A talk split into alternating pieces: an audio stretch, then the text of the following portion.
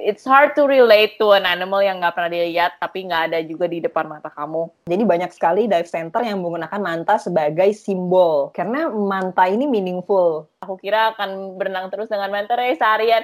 No. Jadi kita kalau foto bawahnya kita bisa tahu ini individu yang mana dan bisa dinamain juga.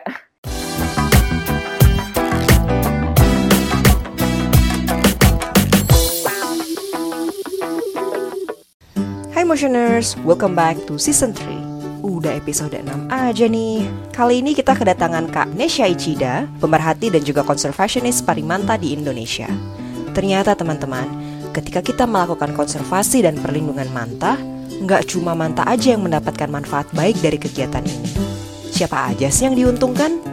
Yuk langsung kita dengerin diskusi kita hari ini dengan judul Konservasi Manta Indonesia Sudah untung atau masih urung?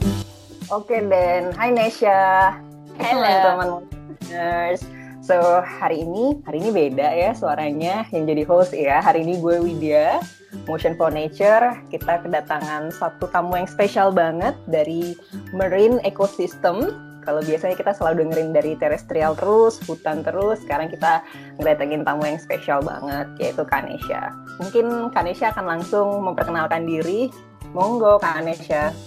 Oke, thank you so much Motion for Nature. Kemarin aku udah lihat kamu punya podcast sama Kawiza, panutan kita semua. Halo semuanya, Motioners. Saya Nesha. Saya dari Thrive Conservation atau Indonesian Manta Project. I'm a marine conservation scientist. I focus on sharks and rays, jadi konservasi tentang hiu dan pari, dan juga marine protected area atau kawasan konservasi perairan. Uh, aku base-nya sekarang di Jakarta, tapi lompat-lompat Jakarta Bali. But my work is mainly in East Indonesia, NTT, dan di Raja Ampat. Tapi pasti Ganesha udah terbiasa megang area mulai dari tengah Indonesia mungkin kita bisa bilang sampai ke timur Indonesia ya. So, karena dari itu teman-teman motioners di sini pengen banget dengar cerita. Jadi, tema hari ini di season 3 episode 6 kita akan berbagi kisah sukses rehabilitasi atau konservasi lebih tepatnya untuk manta di Indonesia. Nah, Kanesha kalau misalnya berangkat dari ketidaktahuan millennials yang tinggal di kota, jarang sekali terpapar sama isu-isu lingkungan laut, terus tidak terbiasa beraktivitas di laut juga, gimana sih caranya Nesha memperkenalkan manta ke teman-teman yang tinggal di kota yang nggak ada pengalaman dengan laut, tapi membuat mereka trigger nih untuk ikut serta protecting mantanya. Dan apa sih urgensinya untuk perlindungan manta itu? Oke, okay. very challenging question. Pari manta itu pari terbesar di dunia. Jenis spesies yang paling besar itu Mobila byrostris sama Mobila aylesfredi. Eh, yang satu oceanic manta ray dan yang satu reef manta ray. Dan mereka emang jenis pari yang paling besar di dunia. Mereka tidak seperti stingrays yang mempunyai sting di belakangnya they're actually very gentle, they're very majestic. Mereka makannya plankton-plankton doang, jadi they're filter feeders. 24 hour mesti berenang terus, kalau nggak mereka mati. So they open their mouth and they filter planktons through their gills and that's how they eat. They're actually very gentle and bisa ditemuin di Bali, di Komodo, Kalimantan Timur, Raja Ampat dan juga di Laut Sawu. Nah, kalau misalnya buat teman-teman yang belum pernah lihat, bisa langsung paling ke Bali yang paling deket ya. Itu di Nusa Penida, itu 90% chance pasti kalian bisa berenang dengan manta ray. And it's very hard to not love them because they're super majestic. You know, when you're in the water with them, they're just the friendliest creatures and they're just so beautiful that you actually love the ocean after seeing them. They're like I call the mascot of the ocean. They're the flagship species. So if you protect manta rays, you kind of protect the whole ecosystem as well. Ada lagi tadi pertanyaannya apa lagi sih? Urgensi kita untuk ngelindungin manta itu apa sih? Oke. Okay. Manta rays are actually endangered in the IUCN Red List And actually in Indonesia, luckily udah diprotect dari tahun 2014 and it's fully protected. So Indonesia is actually the biggest manta ray sanctuary in the world. So it's pretty cool. And that's from the work of multiple organizations including Indonesian Manta Project. For those yang nggak tahu, manta ray juga di hunt all over the world for their gills jadi mereka punya insang itu diburu untuk traditional Chinese medicine. There's no scientific proof of that. Jadi mereka sebenarnya worth more alive than dead. Di Indonesia sendiri, satu manta ray itu harganya kalau mati itu cuma 500 dollar per gill rakers. I think it was about one kilo a gill raker. Nah, kalau misalnya mereka hidup, seumur hidup mereka itu they can estimate about 14 million rupiah. If you actually see them in the tourist perspective and tourism value, they're much higher alive than dead. So, sebenarnya sekarang Indonesia sudah protect manta tapi sayangnya mereka sering masih terancam dari uh, bycatch especially from gillnet or driftnet and that's still happening everywhere di, Indonesia. Jadi sekarang tuh urgency untuk protect manta itu kebanyakan untuk fisheries control atau fisheries management. So kalau ngomongin manta itu kan kayak national treasure-nya Indonesia ya, Nesya. Mm. Well, kita ngomongin national treasure karena Indonesia adalah maritime country yang uh, marine tourismnya lebih baik. Jadi kalau misalnya ada manta, of course itu jadi lebih baik ya. Yeah, of course. Like ke, contohnya ke Nusa Penida aja banyak kan orang ke sana untuk lihat mantarenya.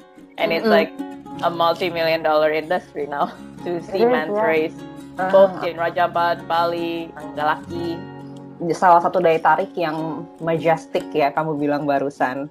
Iya. Nah kalau misalnya nggak ada mantanya, kayak orang-orang nggak punya alasan untuk datang ke sana. Bener nggak sih Nesh? Kalau misalnya kita datang ke Nusa Penida tanpa mengunjungi mantap poin itu kayak nggak sah ya Nesh ya? Betul. Aku kebanyakan uh, di sekitaran Nusa Penida di lautnya doang, tapi untuk menginjak Nusa Penidanya itu bisa dihitung dengan satu tangan. bener bener tipe orang-orang datang ke Nusa Penida cuma buat lihat manta sama buat diving Selebihnya ya mungkin orang-orang yang tertarik lebih jauh sama turisme di Nusa Penida. Nah, kalau kita ngomongin masalah konservasi manta nih, Nesh, kan aku dengar mungkin Indonesia Manta Project itu konservasi pertama manta di Indonesia. Please correct me if I'm wrong. Apakah iya atau sebenarnya ada nggak sih konservasi-konservasi manta sebelumnya?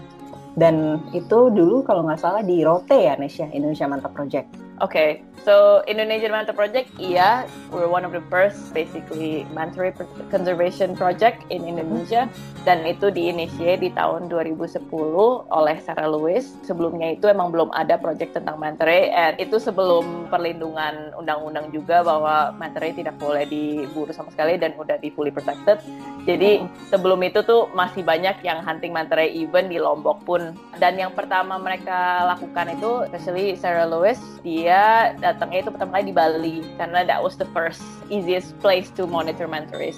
And other than Bali itu di Komodo juga dilakukan. Dan itu salah satu penelitian yang terjadi adalah mereka tracking manta ray dengan satelit tag dan they found out yang di manta ray di Komodo itu actually berenang all the way sampai Bali.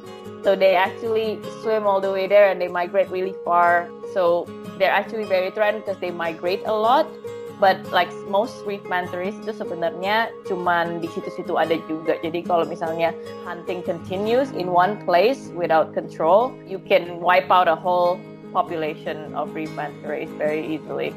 So yeah, itu yang pertama di Bali dan di Komodo. And then more other projects about manta rays came. So Indonesian Manta Project actually eventually jadi fokusnya ke Indonesia Timur, which is in Raja Ampat dan di Lamakera, Flores Timur. Itu yang site-site kedua. Nah, kalau di Rote itu mulainya sekitar 2015 dan mereka investigate bahwa di Rote itu actually ada cleaning station dan khusus untuk oceanic manta ray which is very rare karena kebanyakan yang di Bali dan di Komodo itu semuanya reef manta rays atau Raja Ampat yang sering datang didatengin sama oceanic manta ray dan reef manta ray. Other than that, di luar Raja Ampat tuh cuma ada di Rote doang and it's a, in a very small island. So far dari penelitian kita atau monitoring kita di Rote in the last five years, we know that there's at least 30 different individuals of manta rays yang datang ke Rote dan 90% itu oceanic manta ray. Oke, okay. so teman-teman motioner tadi Nesha baru mention tentang cleaning station ya Nesha. Jadi mm-hmm. cleaning station itu seperti kayak batu besar, bumis, terumbu karang. Jadi mantanya itu bakalan dancing di atas bumisnya itu. You guys gonna see they are dancing dan biasanya kita punya banyak remora ya Nesh ya. Mm-hmm. Jadi kalau di cleaning station itu mereka suka hover di atas sekarang itu dan mereka dibersihin kayak parasitnya diambil-ambilin atau barnaclesnya diambil-ambilin sama cleaner So it's like a spa day for a manta ray basically. It's like a it's literally a spa. So it's actually tempat yang sangat optimal untuk monitoring manta ray karena kita bisa foto mereka dengan mereka tidak feel threatened as long as you follow the protocol, oke? Okay? Untuk teman-teman motioners yang tidak tahu, manta rays itu mempunyai pattern di bawah perutnya, it's called the belly pattern, dan ada titik-titik hitam. Setiap individu manta ray itu memiliki pattern yang beda. Jadi kita kalau foto bawahnya kita bisa tahu ini individu yang mana dan bisa dinamain juga. Jadi dari cara kita monitoring itu kita bisa tahu seberapa besar sih populasi manta ray di satu area itu. Dan makanya tadi aku bisa bilang kan di Rote itu at least ada 30 different individual yang 90% adalah oceanic manta ray.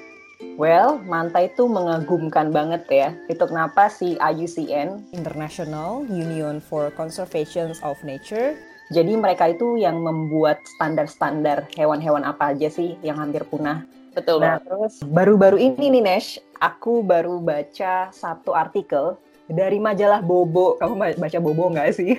Oh, really? Bobo itu ngebahas tentang endangered species yang dikeluarin oh. oleh si IUCN. Hopeful nggak? Kita jadi Gila. hopeful nggak sih? Itu progress banget sih.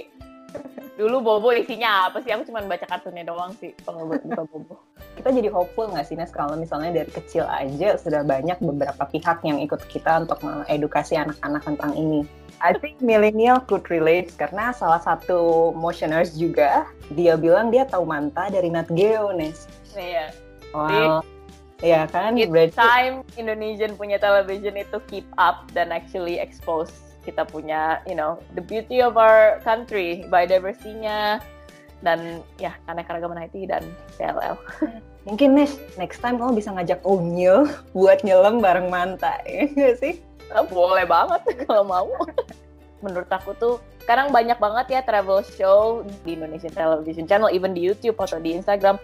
Musinya tuh semua travel show ini lebih memegang juga untuk mengekspos keanekaragaman hayati, the urgency to protect our biodiversity. They have so much platform mm-hmm. and they can do so much good into exposing these kind of things. Jadi orang-orang yang travel juga nantinya akan lebih knowledgeable dan lebih apa mau cari tahu untuk belajar tentang daerah itu other than taking selfies. Bener Nesh, hopefully habis ini motioner jadi visitor yang sudah berwawasan lingkungan. Mantap, right? Nah, tadi kamu sudah cerita tentang kita sedih juga ya ngelihat manta itu di slaughters, terus mereka utilize-nya hal-hal yang nggak baik. Padahal sebenarnya mereka itu majestic creature yang datengin banyak banget manfaat buat kita-kita. Nah, gimana sih sebenarnya kehidupan manta satwa liar sebelum adanya konservasi manta dan sesudah konservasi manta? That's a very difficult question because masih kita cari tahu jawabannya juga. Mau nunggu efeknya seperti apa. Tapi yang aku tahu udah ada efeknya sekarang itu contohnya di Raja Ampat sejak penempatan kawasan konservasi perairan daerah, Shark and Ray Sanctuary, dan tidak boleh ada pemancingan hiu dan pari jenis apa pun. And you know Raja Ampat itu one of the most successful marine protected area yang benar-benar di enforce dan ada patrolnya dari movement konservasi seperti itu kita tahu bahwa ray population-nya actually udah mulai increasing. Nah, ini dari studi Edi Setiawan yang sekarang lagi melakukan S3-nya dalam ray di Raja Ampat sendiri. Kalau di Lama Kera dan Lama Lera, sayangnya populasi manta ray itu sangat susah di-estimate karena kebanyakan kita tahunya dari landing site, jadi perikanan apa TPI-nya. Hanya untuk ketemu manta ray yang masih hidup di laut itu it's very hard unless it's like with the fishermen. Terus di situ tuh nggak ada cleaning station juga di mana kamu bisa monitor manta ray dengan gampang seperti kayak di Rote atau Raja Ampat atau Bali atau Komodo. Jadi to find out if it's actually increasing, it's actually probably decreasing karena hunting masih continue. But aku tahu dari NGO-NGO yang sudah bekerja di sana seperti Missile Foundation, Check, Indonesia Men's Project, and all that sudah mengurangi pemburuannya sebanyak ke 95% dari in the past. Of course, it takes a lot of time untuk population untuk recover dan untuk motioners yang belum tahu juga kenapa manta race listed as endangered dan tidak sustainable sama sekali untuk diburui. Itu karena mereka cuma bisa punya satu pup every 5 to 6 years. Very slow growing animal dan mereka reach maturity itu di umur 15 tahun. Manta bisa survive sampai berapa tahun ini, Um, I think it was estimated until 50 years old. Tapi so far ya, yeah, it was it's it's an estimation. Mm-hmm. So Nesh, kalau tadi dengar cerita kamu bahwa ada daerah yang berhasil sama yang enggak, kita ambil aja contoh Raja Ampat yang konservasinya cukup berhasil. Mungkin nggak sih itu kita apply di beberapa tempat di Indonesia yang orang-orang lokalnya masih berburu manta? Untuk menduplikasikan itu tergantung tempatnya menurut kita. Karena kalau contohnya di Raja Ampat, there's a lot of attraction for tourists jadi gampang untuk fund the whole patrol system is from tourism. That's how they're able to enforce the marine protected area. Tapi kayak contohnya di Lama Kera dan Lama Lera, aku juga belum pernah kerja di sana, tapi ini dari colleagues, agak susah untuk membuat itu tempat jadi tourism destination. Tourism is not always the answer, so we need to be creative in finding out other alternative livelihoods seperti kalau bekerja sama local community, maybe mereka ada kerajinan tangan yang bisa diangkat, seperti tenun, atau maybe pembudidayaan rumput laut, itu juga salah satu alternative livelihoods. Atau kayak kalau yang di Lama Kira itu mereka ada, kalau nggak salah, they created a small business enterprise gitulah, kayak kios-kios atau kayak mini market um, untuk basically provide them with alternative livelihood untuk para nelayannya. Dan juga take note bahwa fisheries juga salah satu alternative livelihood. Jadi to divert them away from hunting manta rays to a more sustainable options like for example cumi atau yang ikan-ikan yang lebih gampang untuk berkembang biak atau lebih cepat itu juga salah satu alternative livelihood. So sebenarnya kalau misalnya di konservasi itu mesti lebih fleksibel. You have to assess stakeholdersnya itu bisa apa dan perlu apa dan dengan cara apa. Nggak bisa kamu datang ke satu tempat dan kasih mereka ide dan they have to do it. That's not the way. We're working with humans. They're very difficult. kalau working sama animal, menurut aku lebih gampang. karena at least they're predictable. It's still wildlife, it's hard to see, but like humans are very very challenging konservasi itu bukan hanya berenang dengan mantare, kebanyakan ngomong sama orang. Tuh aku tidak tahu pertama kali aku jadi konservasi. Akhirnya aku kira akan berenang terus dengan mantare seharian. No, berenang sama mentornya paling sebulan sekali ketemu. Motioners, dengar kakak Nesya sudah membukakan mata kita nih. Sebenarnya apa sih yang terjadi di area konservasi ya Nesya? Yeah kita nggak semata-mata membicarakan hewannya sendiri, tapi kita juga empowering coastal community lewat livelihood improvement program. Jadi banyak aktor ya Nesia di sini sebenarnya. Iya, yeah, of course. Conservation yeah. itu stakeholdersnya itu banyak sekali. Conservation is for the local community. Jadi it doesn't work if you don't work dengan local community-nya. Hmm aku mau kasih applause banget nih karena Nesha salah satu orang yang percaya bahwa sebenarnya konservasi pun itu bukan semata-mata untuk merehabilitasi hewannya aja, tapi untuk local community-nya. Yeah, so people win. Jadi semua orang tuh kayak menang ya Nesha atas yeah. konservasi.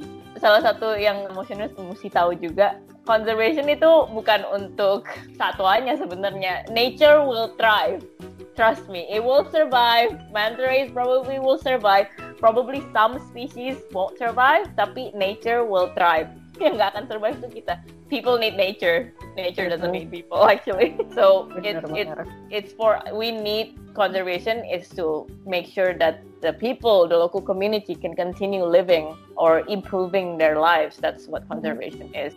Masalah implementasi tadi, Nes, kita berarti bisa bilang bahwa kita butuh joint force ya, nggak hanya satu aktor aja tapi beberapa aktor. Mhm. Dan tadi Indonesia juga mention tentang MPA (Marine Protected Area). Biasanya ada luasan tertentu di satu area dekat dengan daratan atau coastal ya Indonesia, di mana semua kegiatan tuh diatur di sana. Jadi orang-orang kalau mikir jasa jasa itu kan paling kayak oh contohnya kayak dive center memberikan jasa servis penyelaman, tapi sebenarnya alam pun memberikan jasa ekosistem ya Nesya kayak misalnya ikan yang kita dapat yang para nelayan dapat itu adalah jasa dari lautan gitu. Nah biasanya yang ada di MPA itu apa? Tujuannya ini ya Nesya kayak biasanya yang boleh memancing di MPA itu adalah masyarakat sekitar. Hanya masyarakat sekitar dengan metode tradisional, pakai botnya kecil, itu cuma pancing satu doang. Terus kayak hutan bakau, lamun, itu semuanya ada jasa ekosistemnya. They're they're protecting you from like storm surge atau high force winds. Buat banyak orang mungkin Lamun kelihatannya kayak rumput aja ya. Aduh, itu they're one of the most important ecosystem sebenarnya. Mereka tuh sequester carbon dioxide tuh dengan very high amount dan mereka produce oxygen tuh the ocean actually produce more oxygen than than the forest. lindung so, ya. Iya, jadi kayak if you don't protect apa namanya kayak lamun atau hutan bakau itu menebang berhektar-hektar rainforest. Dan paling ya. penting, lautan kita itu karbon filter ya, Nes ya? Exactly. MPA paling dekat itu di mana, Nes? Nusa Penida ya, Nes ya? Tergantung kamu tinggalnya di mana. Oh ya, let's say di mana titik point motioners misalnya mulai dari Jakarta deh, Jakarta atau pulau-pulau Jawa. Pulau Seribu paling dekat oh lah Jakarta. Ternyata.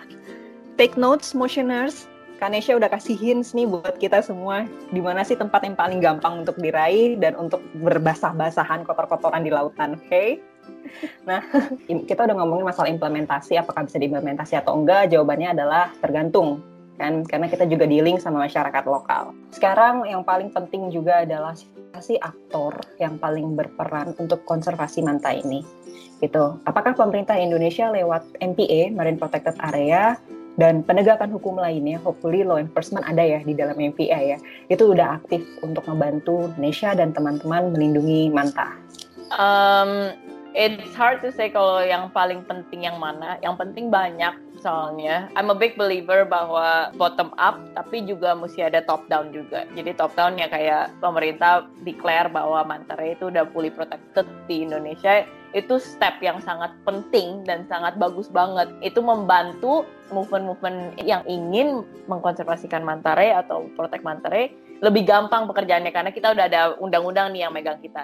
On that note, meskipun ada undang-undang, tapi kalau misalnya masyarakatnya belum ready untuk you know divert away from hunting atau uh, protect like not to protect manta nggak akan jalan juga. Jadi it's both like paling penting ya local community-nya, law enforcement-nya, sampai down to apa industri apa yang di dekat-dekat situ seperti tourism industry, everyone has an important role. That's what I'm saying. There's no one role yang penting, tapi everyone has an important role. Berarti balik lagi ke joint force ya Nesya, di mana yes. semua pihak itu punya perannya masing-masing, terus mereka pasti punya poin-poin kontribusinya mereka sendiri. Kayak mungkin sedikit pengalaman aku ketika handling konservasi di Bali, hmm. itu mudah banget ya Nes ya. Ketika aku datang ke KKP-nya sendiri minta bantuan, knocking the door, bilang Bu Pak minta bantuan dong, dan mereka very helpful. Yeah nggak cuma KKP tapi BPSPL karena joint force-nya sudah besar banget di Bali teman-teman motioners. Banyak NGO, banyak individual yang mendorong pemerintah untuk bekerja lebih baik lagi di Bali. Nah, beda banget Mungkin Nesha bisa share karena dulu Kanesha ini pernah tinggal di Hoga, Wakatobi, salah satu gugusan Pulau Wakatobi. Ketika di Wakatobi itu susah banget untuk berkolaborasi dengan pemerintah atau government officials walaupun di sana ada MPA, Marine Protected Area, tapi law enforcementnya rendah banget ya, Anesha ya. Iya, kayak di Bali itu kan soalnya pulau kecil yang sudah sangat uh, banyak lah infusi bantuannya, termasuk dengan pemerintahannya juga udah termasuk dikasih edukasi yang cukup bagus dalam hal-hal seperti itu. Mereka probably one of the first priority kayak Jakarta, tapi kalau yang tempat-tempat kayak pelosok-pelosok kayak di Laut Sawu yang aduh itu areanya itu lebih besar dari semuanya. Itu Sabusi itu 3.5 million hektar itu besarnya. Kawasan konservasi perairan paling besar nasional ya. Kayak di Wakatobi dan Laut Sawaja jauhnya minta ampun. Dan pemerintahannya belum tentu tahu gitu apa yang ada di backyardnya. Belum tentu tahu ada parimanta. Belum tentu tahu apa sih perannya laut untuk ke keanekaragaman hayati dan apa livelihoodnya local community it's really hard. Jadi kayak mesti dari nol. Kayak mungkin dulu Bali dari nolnya kapan itu udah dari tahun 60-an apa 70-an pas mereka diedukasiin. Kita sekarang masih di term itu, which is trying to educate the local community, tapi juga edukasiin pemerintahannya, memberi paparan yang lebih banyak agar mereka lebih mengerti. Kalau mereka nggak ngerti, nggak hmm. akan jalan juga konservasinya.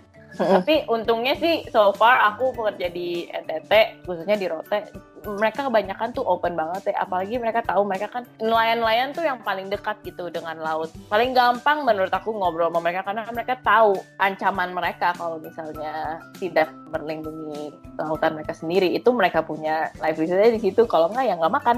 Oh, obviously nggak semua nelayan dan nggak semua komunitas. Ada yang lebih susah dan ada yang bener-bener stubborn nggak mau diajak ngomong atau very very anti LSM atau anti bantuan. Tapi banyak kan they're straightforward and they know what they're talking about and it's easy to get through to them. Tapi kadang-kadang yang menurut aku lebih susah tuh yang dari kota.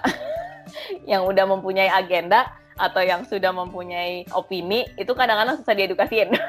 Atau dikasih beli paparan yang baru gitu. Tapi aku yakin sih dengan agent of change kayak Nesha ini, kamu lebih bisa mengedukasi orang kota karena kamu memiliki kemampuan mendeliver pesannya nggak cuma untuk local community tapi juga untuk komunitas ibu kota. Berarti kita okay, harus I'm gonna be real with you guys, especially motioners.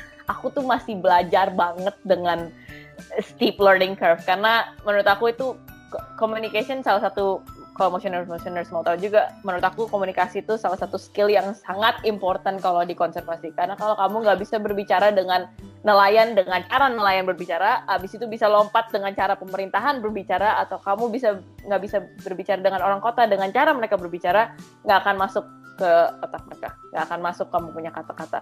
Dan itu aku masih belajar banget. Makanya ini kalau kamu dengerin podcast ini mungkin aku agak mumbling mumbling nggak nggak langsung straight to the point. Berarti nih PR kita nih sebagai conservationist atau agent of change lainnya adalah memudahkan bahasa-bahasa atau term yang biasa kita pakai di konservasi agar teman-teman kita yang non conservationist ini ngerti terus akhirnya mereka bersedia untuk bantu kita ya Betul banget. Dan itu buat teman-teman motioners yang mikir kalau mau masuk konservasi itu mesti jadi marine biologist, you are wrong. We need more help in everything else. Like contohnya komunikasi, graphic design on how to capture people's attention in Instagram, develop the uh, fundraising, policy making. Marine biology is just to find out what's going on underwater, how to prove it, and then you give it to the communication people, you give it to the policy people yang jago ngomong kayak gitu. Jadi sebenarnya semua orang mempunyai peran di konservasi kalau mau. Even down to businesses kalau misalnya mau bikin bisnis kayak social enterprise yang help the environment, that really helps as well. Kalau gitu, Anesha, mana sih yang lebih efektif? Apakah kearifan lokal, local approach, atau MPA gitu? Atau malah dua-duanya harus gandengan tangan nih, biar sukses terus lebih bombastis gitu kan? Dua-duanya harus gandengan tangan contohnya aja yang di Rote ya. Rote itu pas aku datang udah jadi marine protected area, kawasan konservasi perairan Laut Sau yang besarnya 3, juta hektar. Dan itu udah di-establish dari tahun 2014. Tapi ya karena kebatasan fasilitas, kebatasan dana, pemerintahan nggak bisa mensosialisasikan itu dengan full. Not everyone tahu tentang MPA di Rote sendiri gitu. Jadi kalau misalnya aku ngobrol sama local community, beberapa yang nggak tahu itu apaan tapi that gives like a really good baseline kayak kalau misalnya kamu mau mendatangi masyarakat contohnya bisa mulai bahwa oh tahu nggak sih Rote itu salah satu kawasan konservasi dan ini kalau misalnya kita bisa melindungi itu tuh bakal membantu perikanan ke depannya karena there's gonna be like an overspill. Jadi kalau misalnya ikan didiamin di no take zone atau di zona yang tidak boleh dipancingin itu mereka bisa berkembang biak terus-terusan dan populasinya akan overspill ke zona-zona lain di mana zona-zona lainnya bisa dipancingin. Dan that basically helps like secure the the one habitat that will continue to produce food for the local community. Jadi kalau misalnya kamu datang dengan aspek itu, instead of like, yeah, let's protect the area if it's not an MPA yet, it's really hard. At least kalau misalnya udah ada MPA itu udah ada baseline-nya lah. Tapi ada juga beberapa area yang belum jadi MPA bisa jadi MPA dan tapi itu dilakukan dengan komunitas. Mereka tahu gitu tempat yang mereka bisa mancing di mana dan mungkin mereka bisa you know give one zone away for no take zone biar mereka bisa dilindungi. Setahu aku emang banyak kan MPA MPA di Indonesia kayak gitu kok. Mereka datang ke komunitas. Nggak semua komunitas didatengin of course, cuman beberapa doang. Tapi mereka melakukan itu dengan stakeholder lokal juga. Jadi bukan main asal taruh MPA doang tiba-tiba uh, local community-nya ini apa ini tiba-tiba ada zona tidak boleh dipancingin. Saya dari dulu dari 40 tahun mancing di sini. Nah, sekarang kita bakal ngebahas tentang ini, Matt. Kegiatan scientific program apa atau metode apa yang biasanya Nesha dan teman-teman di konservasi Manta lakukan untuk melindungi area Manta Point karena aku pernah dengar nih ada namanya apa B BRUV Ah, Beta ya. Remote Underwater Video itu sebenarnya apa sih? Aku awam sekali terus mungkin bisa diceritain motioners kisah suksesnya konservasi manta itu seperti apa? Metodenya, program-programnya. Kalau dari Mantare sendiri, kita banyakkan melakukan foto ID, which is yang tadi aku bilang di perutnya manta itu ada pattern yang beda di setiap individu, dan kita coba untuk foto sebanyak mungkin semua individu punya perut, dan dari situ kita bisa tahu rasio betina dan jantannya berapa, apakah ada yang hamil, rasio yang udah dewasa sama yang enggak gimana. Itu bisa lihat juga dari kelaminnya mereka. Dan of course berapa besar populasinya. Kalau misalnya ada beberapa clinic station di satu tempat seperti Raja Ampat kalau kamu foto ID di beberapa clinic station itu kamu bisa lihat movementnya ke mana aja. Dari north ke south atau south ke north atau mereka kebanyakan di clinic station yang satu tempat ini. Nah itu penting banget karena untuk melindungi mereka dengan efektif itu kamu mesti tahu mereka spend time the most di mana apa habitat-habitat mana yang paling penting atau mereka punya jalur migrasi itu apa. Mungkin ke depannya kapal-kapal lebih pelan kalau lewat kawasan itu seperti contohnya di Wayak di Raja Ampat itu Manta Nursery di mana akhirnya mas mereka tahu itu Manta Nursery dan mereka melakukan satelit tag dan baby manta tuh totonya cuma spend time around di situ aja nggak keluar-keluar dari lagoon itu jadi ke depannya mereka punya peraturan diganti kapal tidak boleh masuk ke lagun, cuman boleh speedboat kecil. Jadi liveaboard gak boleh masuk gitu. Itu membantu banget tuh, membantu menjaga dan konservasiin mantah. Kalau di Rote ini masih sangat preliminary banget baseline-nya karena yang ngerjain banyakan cuman aku. Fasilitasnya sangat minim dan kebanyakan tuh aku di sana tuh bulan Maret sampai November which is angin timur dan Rote itu karena pulau paling selatan di Indonesia itu pulau pertama yang dihantam sama angin dari Australia. Jadi bener-bener ombaknya tuh suka tinggi banget ke arah training station. So I cannot go there every day. Kita rely heavily on the dive center di sana. That's what we do in Rote Nah, kalau yang tadi kamu nanya tentang BRUV itu, itu stands for Baited Remote Underwater Video, which is basically dia kayak besi, ada kameranya GoPro di satu sisi dan satu meter lagi ada satu can, kayak PVC pipe isinya daging-daging ikan yang banyak darahnya kayak tuna atau cakalang atau tongkol. Dan itu aku jatuhin obviously attached to a rope sama buoy selama sejam while the video is on. Terus ditarik lagi, then we, we we watch the video and see who are attracted to the bait. It's a really good method untuk assess carnivorous wildlife such as sharks and ray, which is yang kemarin aku pakai. Jadi kemarin itu aku melakukan BRUV survey di Rote itu untuk mencari tahu biodiversitas hiu dan pari di Rote itu kayak apa sih kelimpahan dan biodiversitasnya tuh ada bedanya nggak di antara zona yang tidak boleh ditangkapin sama zona yang boleh dipancingin di no-take zone dan di outside zone biodiversitasnya dan kelimpahannya basically sama. There's no significant difference. Tapi interestingly dari studi itu ditambah juga dengan monitoring landing site atau tempat apa kapal-kapal datang di pantai untuk menuruni ini kan. Eh, jadi kita selama setahun itu monitoring apa aja sih yang datang hiu dan parinya. We know that there is at least ada 26 spesies hiu dan pari di Rote Barat sendiri. That's super cool to me as as a scientist karena di Rote Barat tuh nggak gitu besar dan segitu banyak spesies yang ada dari hiu dan pari sendiri di mana 14 dari 26 itu jadi terancam punah. Either mereka vulnerable, endangered atau critically endangered. Jadi dari studi kecil seperti itu aja tuh Rote tuh potensinya banyak banget ini kalau misalnya kita bener-bener fokus untuk protection of the marine protected area ke depannya tuh bisa banget jadi pariwisata hiu dan pari ke depannya kayak seperti Raja Ampat. Aku nggak tahu ya sebesar apa, tapi ada potensinya nih. Karena spesies-spesies yang keluar itu karismatik juga. Banyak deh yang bisa dilakukan itu aja cuma dari hiu dan pari, belum lagi lamunnya, hutan bakaunya. So that's how you connect science with conservation. Indonesia ngomongin foto ID, BRUV kayak mupeng, pengen banget, pengen banget berkontribusi tapi aku bisa apa? Oh, actually BRUV is very easy, cuman perlu otot aja karena narik besi seharian dari laut. So, motioners yang bersedia untuk muscly works, silahkan ngobrol sama Kanesha. It's a very long hot days. I'm just telling you that ngerjain brav itu bisa 9 sampai 10 jam di laut nurunin besi. Terus kerjanya nurunin nunggu, kadang-kadang kita main kartu, bengong. banyak mikirin hidup Jadi sebenarnya Kanesha ini conservationist atau kuli kak? Tengah-tengah semuanya lah. Oke, dari tadi kita ngobrolin tourism terus nih, Nesh. Dari awal kita sudah mention marine tourism. Jadi, motioners, aku dulu pernah kerja di satu dive center, di mana salah satu dive site kita adalah Manta Point, yaitu paling hot ya, hot sale, karena orang-orang pengen ketemu Manta. Terus kalau lagi ada mola-mola season, jadi teman motioners mola-mola itu kayak ikan gepeng. Matanya so kecil, weird. badannya besar banget yang muncul di bulan-bulan tertentu, musim-musim dingin. Nah, tapi ngomongin masalah Manta, waktu kita datang ke Manta Point, dive operator saya harus briefing ke tamu yang akan menyelam di situ.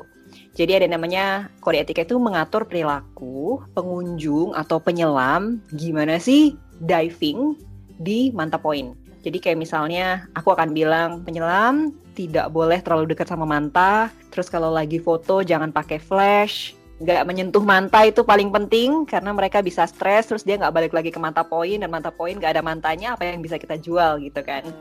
Tapi menurut Nesha sendiri ngelihat perkembangan marine tourism sekarang gimana sih sebenarnya operator wisata menjalankan bisnis yang nggak cuma ramah lingkungan tapi juga ramah buat manta itu sendiri? Yang tadi kamu udah bilang sih dia itu sebenarnya mengikuti kode etik dan of course kalau bisa ditambahin kayak kenapa manta itu penting sedikit background information tentang manta race is already helpful enough membantu konservasi manta of course ke depannya juga kalau bisa kita ada citizen science program yang di mana pariwisata-pariwisata yang datang itu bisa fotoin perutnya mantap kalau dapet chance kalau misalnya mereka datang lebih dekat ya. Karena kan banyak kan yang bisa mendekat dengan manta untuk foto belly itu yang udah lebih train untuk tidak mengganggu kalau misalnya ada teman-teman yang ke Bali, kasihnya ke hotel atau di Laut Saud, di Raja Empat bisa fotoin Parimanta, itu bisa kasihnya ke teman-teman DCI, atau di UPTD Blut KPD Raja 4 juga bisa. Jadi yang barusan Kak Nesha mention itu teman-teman NGO motioners. Jadi yeah. CI itu konservasi internasional ya? Iya, nggak satu doang kok NGO yang mengerjakan konservasi. Banyak, perlu banyak kita. Dan it's a collaborative effort nggak bisa sendiri doang. Gimana kita bisa bantu, kita bantu. Yang tadi aku ceritain kan mungkin yang hanya ada di Bali, Nes. Tapi apakah manta kondak juga diterapkan di Rote dan di beberapa tempat tourism di Indonesia Tengah sampai Indonesia Timur? Tahu aku di Komodo dan di Raja Ampat dilakukan juga. Nah, berarti aku bisa simpulin bahwa awareness-nya sudah dibangun baik di Bali ataupun di tempat-tempat lain ya, Nes ya, terkait sama manta kondak ini. Iya, bisa nggak sih Nesha memberikan ide terkait apa sih yang sebenarnya sobat motioners bisa lakuin untuk bisa melestarikan populasi manta di Indonesia? Mungkin Nesha bisa berbagi sedikit informasi apa sih komunitas-komunitasnya atau mungkin Nesha lagi menghandle satu komunitas yang bisa nih mengakomodir volunteer-volunteer dengan kapasitas tertentu, maksudnya tidak dengan background biologis atau environmentalis untuk bisa kontribusi.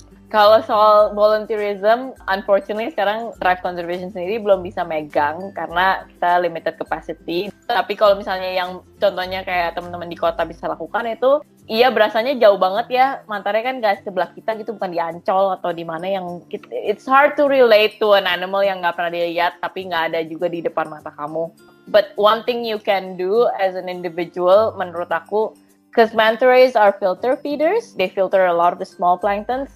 Sayangnya mereka juga filter plastik like microplastic when they're eating. So obviously the easiest step you can do is to control your plastic consumption. Jadi untuk hidup lebih ramah lingkungan, tidak terlalu banyak memakai plastik, lebih zero waste itu membantu banget ke depannya untuk nggak hanya mentornya tapi untuk spesies-spesies lainnya di laut, tapi juga untuk kita karena itu Bantar Gebang udah terlalu besar itu. Bentar lagi over capacity itu, itu sebenarnya udah over capacity. So we as individuals have a role in you know making the world a better place. Hai semua, kali ini Motion for Nature kembali menggalang dana bersama benihbaik.com untuk ASTI, Animal Sanctuary Trust Indonesia, yang merupakan pusat rehabilitasi satwa-satwa liar yang berlokasi di Bogor. Kenapa? Karena mereka membutuhkan bantuan kita untuk merenovasi kandang-kandang mereka yang sudah mulai lapuk. Yuk berdonasi! Bagi yang membutuhkan informasi lebih lanjut dan juga untuk berdonasi, langsung aja ke link bio di Instagram kita, pilih Asti Donation Campaign. Atau kalian juga bisa search One Act Gen Impact atau Motion for Nature di benihbaik.com dan langsung akan menunjukkan ke webpage donasi kita. Terima kasih. Aku setuju banget karena it starts with one usually. Kalau misalnya sebuah movement itu biasanya mulai dari satu orang. Kamu bisa aja menjadi satu orang itu, because it is our planet and itu it is our future. We're gonna be the one affecting it the most, feeling it the most as well. So if we don't do anything, it, it's our future on the line. Jadi I, that's I think that's the drive of the younger generation nowadays. Kalau soal volunteerism, bisa juga melakukan itu like reach out to other NGOs, reach out to the local effort yang kamu tahu. Ask them for like if they need any help. Karena kebanyakan mereka tidak mempunyai funding untuk ask for help. So if you can provide that help, that already helps a lot. Even with Thrive, we kind of need help with a lot of social media right now. So if anyone is savvy in social media, you're welcome to help us. Wah, Kanesha nih bisa jadi ambasadornya Motion for Nature nih ya. Oh. Di Motion for Nature kita percaya, Nes, kalau satu aksi itu besar dampaknya. And then Nesha juga barusan bilang, every individual have a role. Dan barusan kan Nesha buka lowongan nih, motioner siapa yang mau bantu Instagramnya Thrive? Wah, kalau kalian tahu Thrive ini kayak aku pun rela Nesha kalau aku bisa. Sayangnya aku cuma bisa menyelam dan berenang. Kayak mantap. That's all I can do as well. Well ya, yeah. Nesha, thank you so much. Tadi barusan kamu ngasih kami takeaway yang sangat bagus, consume behavior ya Nesha. Yeah, as a consumer we have a lot of responsibility. Yang tiap kali kita beli atau makan, it has an effect on the planet and it has an effect on our future. If we don't start changing now, we might not have a future. We might have a future, but it might not look very nice. I think we will survive into the future. Nature will thrive, tapi what sort of nature we want. Mungkin tidak ada manta ray, mungkin cuma adanya jellyfish doang lautnya. Are you ready for that kind of nature in the future? If not, then let's start doing something now. Ya untung ada manta yang jadi filter buat planktonnya Anes ya. Uh, wow, ini kok bisa relate gini ya? Si Nesha nggak bisa ketemu plankton, si Manta makannya plankton. Kamu dilindungi sama Manta nih, Nesh. well, I I wish that was the case, tapi kadang-kadang ya most of the time yang kalau kita mesti um, take photos of IDs of manta rays, kita mesti nyemplung di mana manta ray lagi feeding, which is a lot of plankton and jellyfish. Jadi aku keluar-keluar pasti kayak merah-merah langsung kalau nggak fully suited ya. Thank you so much, Nesha. It's very good takeaway in the end. Gila ini seru banget sama Kanesha. Kalau misalnya ada satu atau dua kalimat nih, atau terserah si Kanesha mau bilang beberapa, yang bisa motioners ambil bantu Nesha ngelindungin Manta. Setiap individual, I think, have a role into conservation, whether it's joining an NGO or you're just doing your part living more eco-friendly atau lebih zero waste it really counts.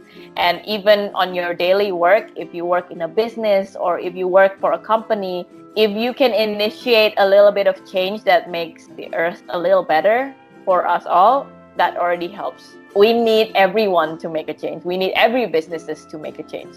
It's not just the NGOs. The NGOs are just helping or facilitating. It, it needs to be everyone, every stakeholder, every industry needs to move forward and needs to be better. We just need to be better. Otherwise, yeah, we'll be living with jellyfish. Coba dikenalin sedikit ke motioner terakhir ini Thrive itu apa? Terus kira-kira bisa nggak sih motioners bantu Thrive untuk thriving? Oke, okay. Thrive Conservation adalah sebuah yayasan di Indonesia, di-establish tahun lalu di 2020, di mana Indonesian Manta Project sekarang adalah salah satu project di bawah yayasan ini. It started from Indonesian Manta Project, tapi karena project-project seperti di Rote, we realize that we can't just focus on manta rays and to build relationship with the community. Dan kita melihat juga banyak banget nih anak-anak muda yang keluaran marine biology atau yang communication yang suka sama konservasi tapi tidak punya opportunity untuk masuk ke NGO. It's a very different approach to what Thrive is. Basically, we want the young person to be the leader the conservation world. Yeah, that's what Thrive Conservation is, and we are governed or not governed. We are mentored by a group of board members yang udah punya experience di konservasi di Indonesia tuh udah decades sekarang. Contohnya Ibu Tina Gunawan, Ibu Riani Jangkaru, Ibu Meiti Mongodong, Bli Jayarata, and then also Dr. Mark Ertman, uh, Sarah Lewis, and bunch of other people. Sorry, I mumble a lot again. well, Emotioners udah bisa dengar success story-nya di rehabilitasi konservasi manta. Kanesha juga cerita zero to hero, gimana sih konservasi manta itu Oke, okay. gila ya kita udah ngobrol ngalor ngidul sama Kanesha. Thank you banget. Terima kasih banyak sudah mau mengedukasi dan ngobrol sama Sobat Motioners. Kita berharap Sobat Motioners nanti ketika pandemi ini sudah berakhir, hopefully soon ya, mereka akan mulai lagi perjalanan wisata. Hopefully tujuannya adalah laut untuk bisa kenal lebih baik Manta itu gimana karena mereka udah teredukasi sama podcastnya Motion for Nature dan Nesha di sini. Terus mereka nanti untuk melihat manta mereka lebih aware. Jadi mereka ikut mendukung konservasi manta, aksi perlindungan satwa liar. Jadi mereka lebih berwawasan lingkungan yeah, karena Nesha. Okay. Hopefully. Guys, get excited about our nature. It's so beautiful. Uh, thanks, motioners. Well, thanks, Kanesha. So stay tuned for more podcasts on Discuss Motion. Jangan lupa subscribe kita ya di Spotify, Anchor FM, Google Podcast, dan juga Apple Podcast. Untuk update-update terkini, kalian juga bisa follow Instagram kita at Motion for Nature.